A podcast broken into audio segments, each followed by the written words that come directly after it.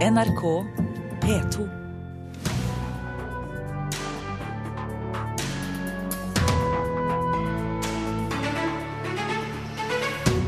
Er regjeringskvartalets Y-blokk med Picassos kunst et overgrep mot Oslo, eller er politikerne som vil rive den, historieløse? Norske teaterensembler speiler fortsatt ikke befolkningen. Flerkulturelle skuespillere må kvoteres inn, mener Skuespillerforbundet. Og flere satser på abonnementstjenester på klær.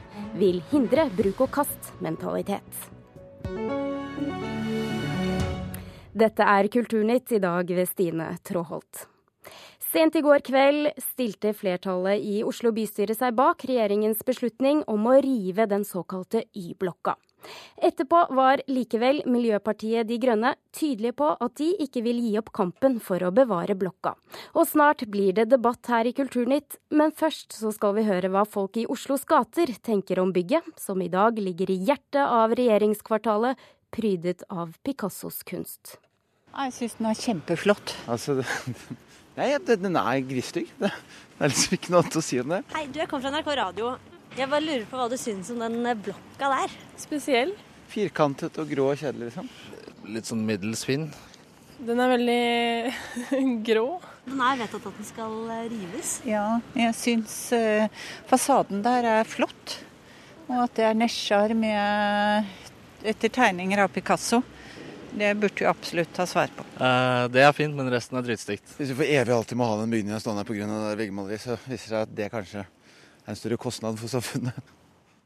Reporter her var Mari Sand Malm. Audun Eng, du er leder av et internasjonalt nettverk for tradisjonell byggeskikk, arkitektur og urbanisme. Og du kaller Y-blokka for et overgrep mot Oslo i en klinikk eh, på NRK Ytring. Hvordan kan den være et overgrep mot byen? Eh, Y-blokken eh, ble bygget rett foran to av Oslos flotteste historiske bygninger, Trefoldighetskirken og eh, Deichmanske bibliotek. Og Arkitekt Erling Viksjø begrunnet dette med at de to bygningene sto i skjærende kontrast til hverandre. Jeg tror, sånn som vi hørte en del av de som ble intervjuet her, veldig mange oppfatter at det er Y-blokken som er i skjærende kontrast, ikke bare til disse to monumentalbyggene, men også til Oslos bystruktur. Dette er en type bygning som kunne ligge på et jorde utenfor byen. Det var jo sånn modernistene tenkte. Man skulle knuse den historiske byen og, og ha bygninger som lå i parker.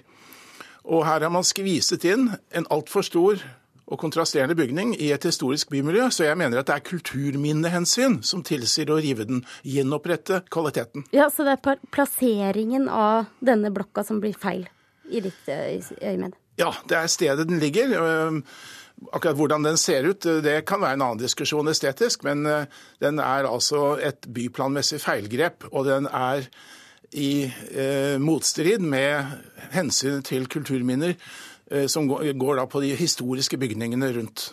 Harald Nissen, gruppeleder for Miljøpartiet De Grønne i Oslo. Hva syns du om sånn beskrivelse? Oslo er jo kontrastenes by, og det er jo et veldig godt eksempel med Audun Eng komme. Trefoldighetskirken, Deichmanske og Viksjø sitt bygg. Det er det som er Oslo, der de har aldri ferdig ferdigrealiserte eh, monumentalbyggene. Universitetet ble aldri ferdig. Eh, Finansdepartementet ble aldri ferdig. Vi hadde det krakk i 1891 vel i Oslo, hvor alle de her gamle gavlene står igjen, hvor vi har nå begynner å få opp veggmalerier. Det er nettopp det som er Oslo. Eh, og det Viksjøbygget er jo Y-blokka er jo et, et viktig bygg for etterkrigstiden. Det, det kan si etterkant av gjenreisningen og det moderne Norge med, med velferdsstaten. Og, og Det er jo det, det, som er litt Oslo. og det er jo et, Den innrømmer jo også at det er et flott bygg, men det ligger feil. Og Det er jo noe med, med byplanlegging. Oslos byplanlegging er litt rotete, og det er faktisk én av karakterene. Eh, og, ja, Kan det være positivt med en rotete byplanlegging? Det er ikke noe ideal at man skal ha en rotete byplan. Og jeg vil si at den type blokk, det er ikke det at jeg syns den er så vakker, det er bare at uh, det viktigste her er det byplanmessige. Jeg syns at man kan beholde høyblokken og bare ta den uh, litt autoritære hatten som er suite for statsministeren. Så det er ikke det, men det er selve dette med at det bygget er så ødeleggende for omgivelsene. Det er ikke mangfold, det er å tråkke på mangfoldet. Harald Nissen, man kan nesten få inntrykk om at denne debatten om riving varer evig. Omkampene er så mange, men likevel så er det tydelig politisk flertall for å rive blokka. Senest fikk man det bekreftet i Oslo bystyre i går. Hvorfor fortsetter dere å kjempe? Grunnen til at man vil rive det, det er jo sikkerhetshensyn. Ikke fordi man ikke sier at det her har kvalitet. Det sier Arbeiderpartiet, det sier Høyre. Og Det er jo det som er litt problematisk med saken også. At uh, av sikkerhetshensyn så kan vi dessverre ikke bevare en. Så kommer jo Riksantikvaren på måte med nye forslag hvor han viser at det er mulig å bevare en god del av blokken. Så, så jeg tror ikke den debatten her er ferdig. Og tross alt, vi er i Oslo. Vi vet alle at eh, omkampene kommer, selv om det har kommet klare politiske vedtak, selv fra regjeringshold. Jeg mener, Bare se på Nasjonalgalleriet. Det har ikke klart å lande den endelig. Tullinløkka. Så, så det er jeg trygg på at uh, siste ord ikke er sagt. Jeg tror det var veldig viktig at vi fikk en ny debatt nå i forkant av høringsuttalelsen fra, fra Oslo kommune. Så jeg, jeg, er ganske optimistisk på at uh, at den antageligvis står der om ti år. Men, eh, men hvordan kampen blir, det, det, vet man aldri når det gjelder byutvikling i Oslo.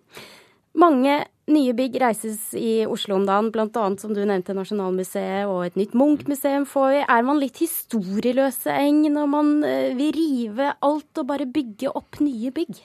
Ja, Rive er én ting, men denne fraflyttingen av monumentalbygg er veldig historieløs. Det er en slags broilermentalitet som dessverre også preger dette huset vi står i nå, ved at ledelsen i NRK vil flytte fra den fantastiske bygningen, ikonisk bygning, som norske folk identifiserer som et, en sentral institusjon.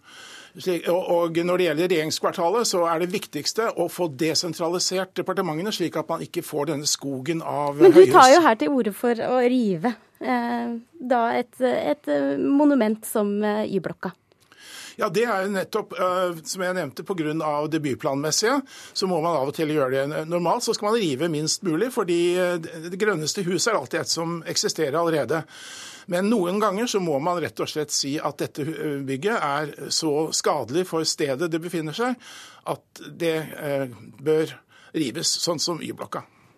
Nissen, hvor mye muskler har dere nå for å klare å bevare denne blokka? Nei, vi har så mye muskler som, eh, som man er nødt til å ha til å være med på den evige diskusjonen om hvordan Oslo skal se ut. Eh, og nå har jeg vært med en stund, jeg har fulgt eh, Oslos på en måte byhistorie. Så det har jo ikke akkurat blitt sånn som de fremste byplanleggerne har planlagt. Så jeg, jeg, er ganske optimistisk på at vi skal få til noe. Og så har Audun Eng et veldig viktig poeng med at Oslo som, eh, som hovedstad er ganske ung. Det er Bratislava, det er eh, Dublin. Det er der vi er. Og vi har ikke så mange sånn monumentalbygg. Vi trenger å ta vare på det vi har, og være litt stolt over det. Og Oslo er 1800-tallsbyen, og på en måte også 1900-tallsbyen med f.eks. regjeringskvartalet og. Så så det, det, er litt der med identiteten vår. Og jeg tror at det er mer og mer viktig at vi tar vare på demokratiets institusjoner. Og det her er en av de. Tusen takk, Harald Nissen og Audun Eng, for at dere var med i Kulturnytt.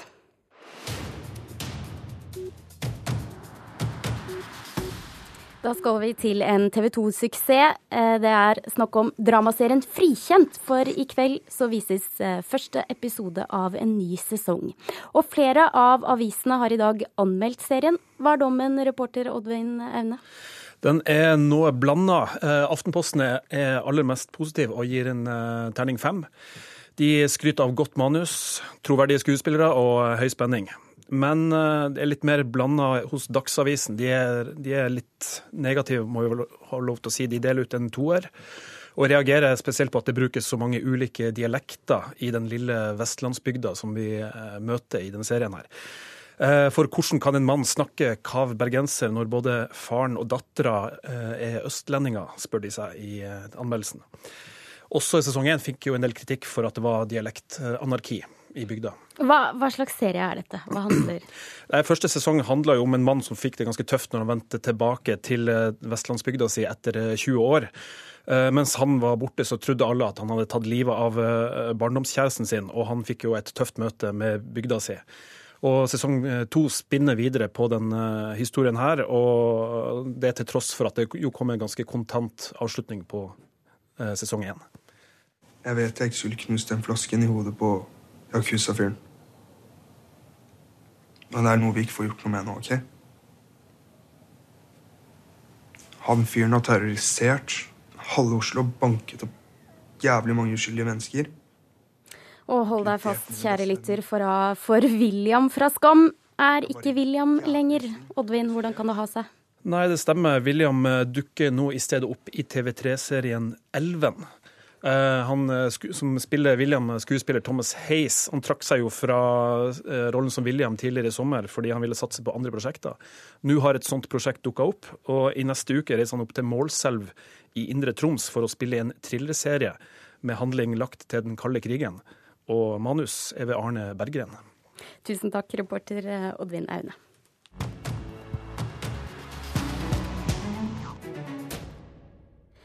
Nordmenns overforbruk av klær vekker bekymringer, og det også i klesindustrien. Gründerne bak selskapet Fjong vil nå hjelpe nordmenn til å tenke nytt om forbruk gjennom en abonnementstjeneste på klær. Den fikk vi inn i dag. Ja, det gjorde dere Jeg har allerede booket den til et julebord. Den er så nydelig, så den vil jeg gjerne tenke på. også. den er så fin. Hjemme i leiligheten til Marie Ammelen i Oslo er to rom fylt til randen med klær. Ikke hennes egne, men til kunder som er på jakt etter noe nytt og midlertidig. Det er man kan si, delingsøkonomi for mote. Det sier Sigrun Syverud, en av medgründerne bak Fjong. I tillegg til å leie ut klær, er selskapet nå i ferd med å starte en abonnementstjeneste på klær. Noen vil kanskje ha bare sånn tre plagg i annenhver uke, mens andre gjerne vil leie ganske mye. Det er også butikker og masse designere rundt omkring som har ubrukte klær som eh, folk ikke kjøper fordi at de vet at de ikke kommer til å bruke det så ofte. Vår eh, visjon er egentlig å øke utnyttelsen av klær. Men Fjong er langt ifra de første som driver med klesutleie. Blant andre startet Flippa K tidligere i år utleie fra sine butikker. Men det har ikke vært kø foran utleiediskene. Det forteller bærekraftsjef Elin Larsson. Kundene tycker att det är spännande och intressant. Eh, men det är inte så många som har börjat testa än. Hun mener likevel at utleie og abonnering på klær er positive miljøtiltak. Jeg tror at vi kommer alltid vilje oppdatere oss selv. Eh, klær er et sett å uttrykke oss. Så Da handler det om å finne sett å kunne oppdatere seg selv snabbt eller langsomt, spiller egentlig ingen rolle. Men at man kan gjøre det på et sett som ikke bidrar til överkonsumtion eller som gjør at vi, vi eh, förstör för planeten. Och där är då eh, uthyrning eller abonnering av kläder ett sett å kunne tilhandahålla det.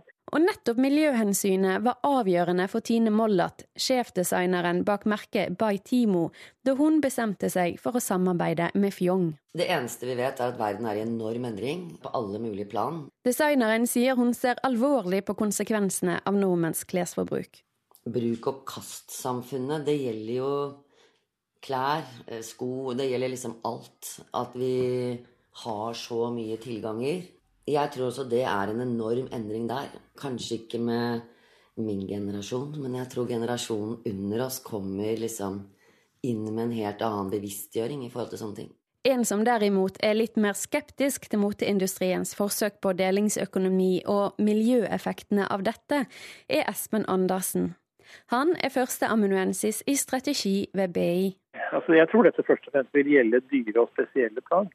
Eh, og I volum så utgjør ikke det så mye av jords klesproduksjon at det kommer til å gjøre noe særlig miljøutslag. Jeg tror ikke T-skjorter og underbukser kommer til å havne på utleie i nærmeste fremtid.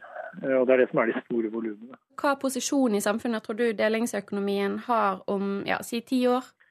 Jeg tror den kommer til å få en mye, mye mer fremtredende posisjon enn den har i dag. Men det kommer eh, altså primært innenfor bil og kanskje båt men det er ikke biler eller båter som vurderes utleid når Fjong viser kundene hva de har i skapet. Det er ikke noe du kan gå med til hverdags, for å si det sånn. Det er ganske mye Det er glitter og stener og diamanter og ja. Du skal være skikkelig fin. Da Ja. er det kjolen å bruke. Reporter på kjolefremvisning var Hanna Huglen Revheim. Du hører på Kulturnytt, og klokken er nå 18 minutter over åtte, og dette er hovedsakene denne morgenen. Norske brannfolk rammes mye oftere av kreft enn andre. Ifølge Kreftregisteret er forekomsten av kreft 20% høyere i denne gruppen enn resten av befolkningen. To tredjedeler av verdens dyr har forsvunnet siden 70-tallet. Det viser en rapport fra WWF. Tallene er dramatiske, sier biologiprofessor Dag Hessen. Nashmuddin Farash Ahmad, også kjent som mulla Krepkar, sier jihadister har plikt til å forsvare IS i Irak. Uttalelsen kommer fram i et klipp som er lagt ut på Facebook, skriver avisa Dagen. Mens enkelte teatre kun har etnisk norske skuespillere, er de mest varierte teaterensemblene i Norge bare 80% flerkulturelt. Det kommer frem i en opptelling som NRK har gjort.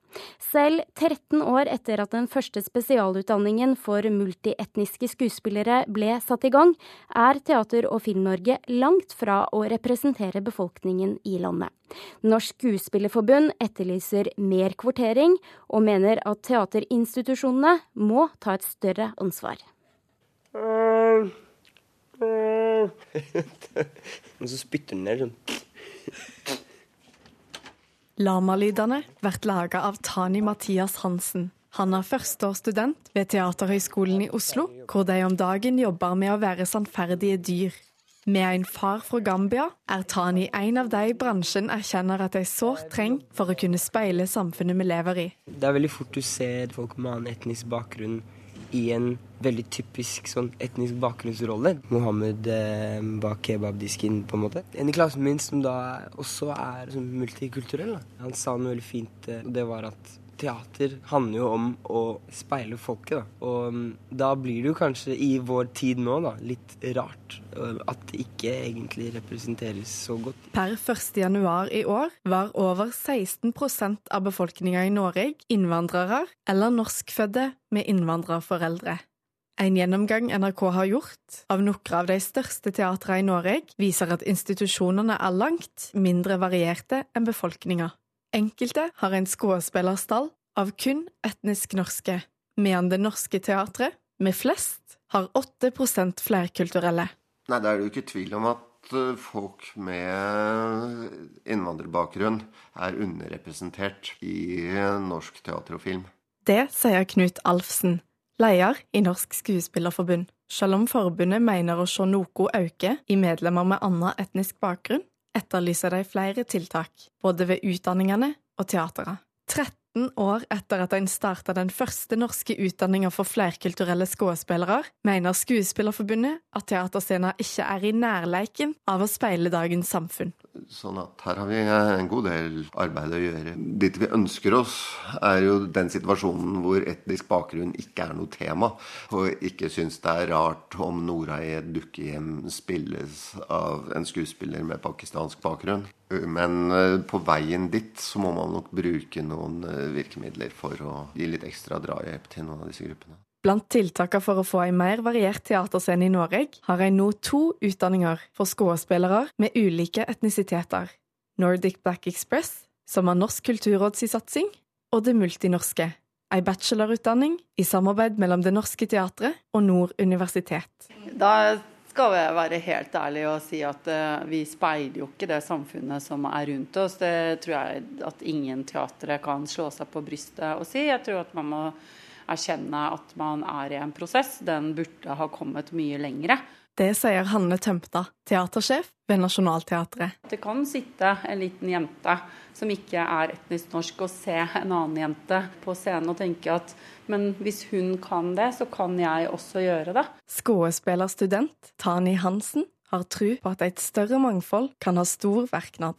Den, den lille rolleendringen kan endre på ganske mye i det store bildet, da.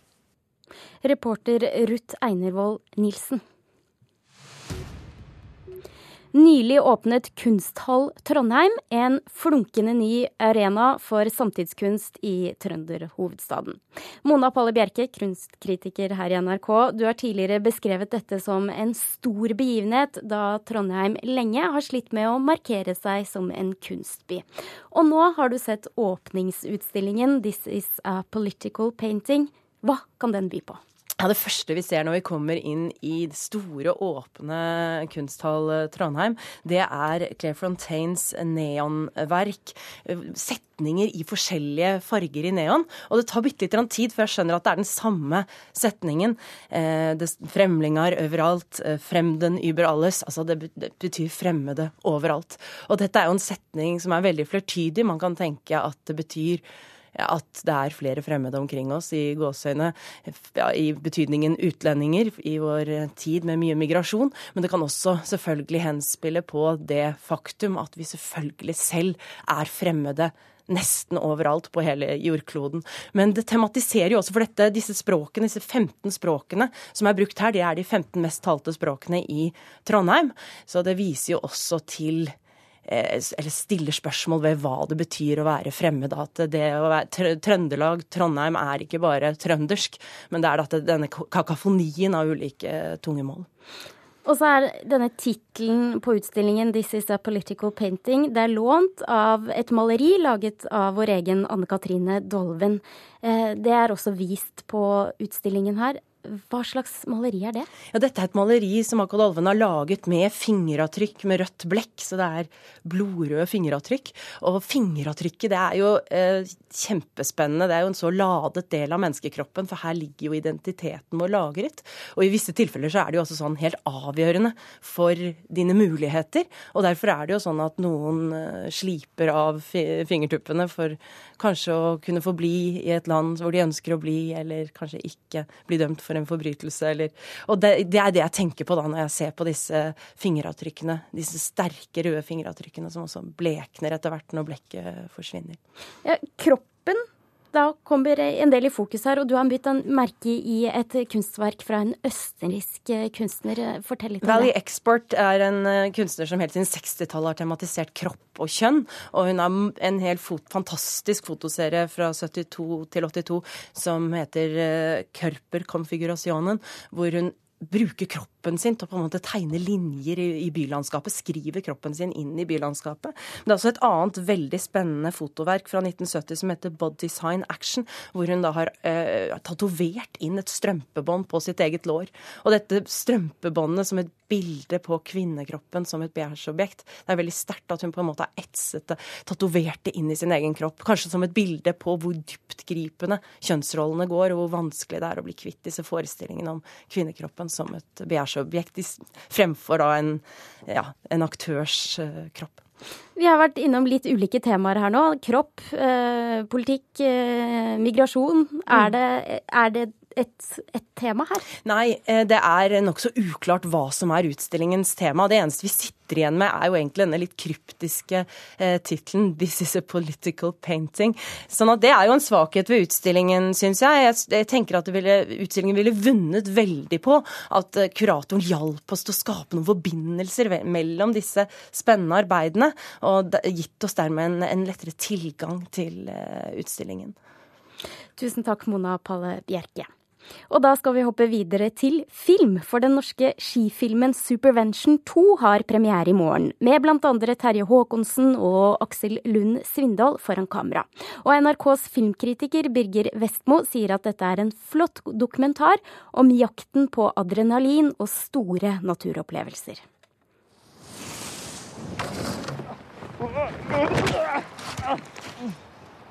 Supervention 2 er oppfølgeren av den norske skidokumentaren, som ble en pen kinosuksess i 2013. Regissørene Even Sigstad, Philip Christensen, Jan Petter Årskog og Lasse Nyhaugen har perfeksjonert sin filming av leikende ski- og brettkjøring i både by og natur. Det blir en globetrotter-reise gjennom flere verdensdeler, med utøvere på jakt etter leik og moro på snø. Og akkurat leiken blir fanga opp på en fortreffelig måte i Supervention 2. Den forteller oss at de her menneskene ikke gjør det for å være kule, de gjør det fordi det er gøy. Deres jakt etter nye opplevelser gir glede også i kinosalen. Du sitter her I'm a way better skier than you. Jeg blir litt pen å bruke den nå. Boom. det er tøft å bruke den på her Nå er. Flere av utøverne fra den første filmen er òg med her. De mest kjente er Terje Håkonsen og Aksel Lund Svindal. Sistnevntes kamp for å komme tilbake etter at akillesen røk i 2014, går som en rød tråd gjennom hele filmen, der vi ser hvordan han drar på en spektakulær tur til Alaska i stedet for å være med på verdenscupavslutning. Terje Håkonsen er bl.a. med på en tur til Japan, der vi ser hvordan noen og 40-åringen fremdeles har evnen til å leke som en guttunge i snøen. Litt nervepirrende. Der oppe, ja. ja. Å klatre der oppe. Skikjøringa er allsidig og mangfoldig, fra susing nedover fjellsida til gelenderkjøring i bymiljø. Kjørerne ser muligheter overalt og trår til med stort engasjement og innsatsvilje. Heldigvis viser filmen òg at de kjenner sine begrensninger, som er spesielt synlig i en sekvens fra koboltgruvene i Modum. Men ofte vises det òg vågestykker på lerretet der tryggheten kan betviles, i hvert fall for en som trives best i slakke slalåmbakker.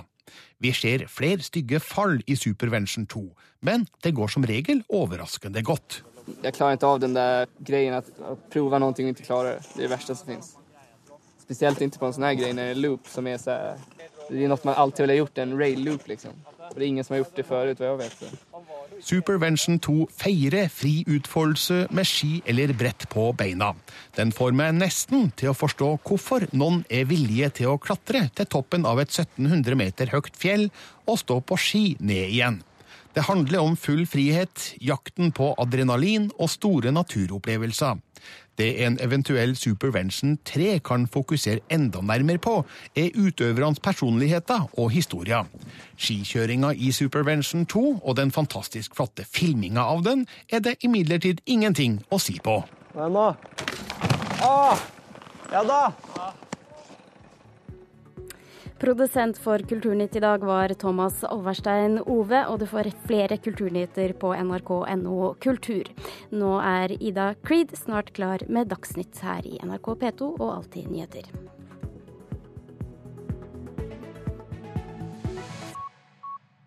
Hør flere podkaster på nrk.no podkast.